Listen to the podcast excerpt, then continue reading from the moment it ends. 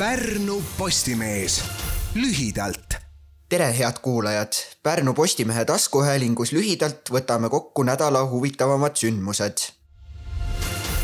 Pärnu linnavalitsus kogub taas kaasava eelarve ideid. ideekorje kestab üheksateistkümnenda juunini. sõelale jäänud mõtted pannakse rahvahääletusele detsembris. kaasavaks eelarveks on tänavu eraldatud kaheksakümmend tuhat eurot teisipäeval toimunud pidulikul tänuüritusel valiti Pärnu linna aasta õpilasteks Rebecca Tamme ja Kaisa Talts.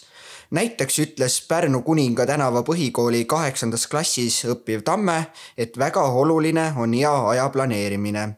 lisaks proovib ta asju teha nii, et need talle päriselt meeldiksid. samuti sööb ta palju kohukesi.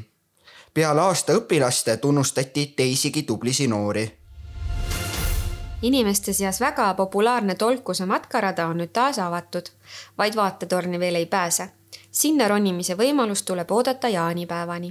rada ja vaatetorn avati tuhande üheksasaja üheksakümne kaheksandal aastal ja seda on remonditud korduvalt. seekordsed tööd algasid läinud aasta juunis koolinoorte võistlussarja TV10 olümpiastarti viiekümne teise hooaja neljas üleriigiline jõuproov kujunes Pärnumaa õppuritele väga edukaks ja autasustamisstseremooniale jõuti kokku kaheksal korral.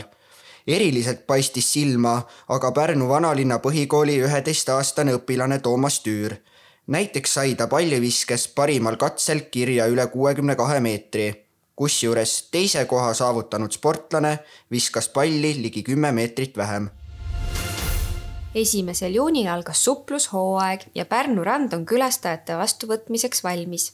tänavu on Pärnu keskrand jagatud tsoonideks, et lastega pered, sportijad ja rahu soovivad päevitajad üksteist segama ei hakkaks infot, kuhu tsooni oleks mõistlikum oma rannarätt panna, annavad keskranna lähistele Side ja Lehe tänava otsa ning Hedoni juurde paigaldatud rannaala plaanid meeleolu väikses Metsküla koolis, kus tänavu õpib kakskümmend last ja põhikohaga töötab kaks õpetajat, oli täna hommikul ülev, sest kool pälvis neljakümne kandidaadi seast aasta kooli tiitli.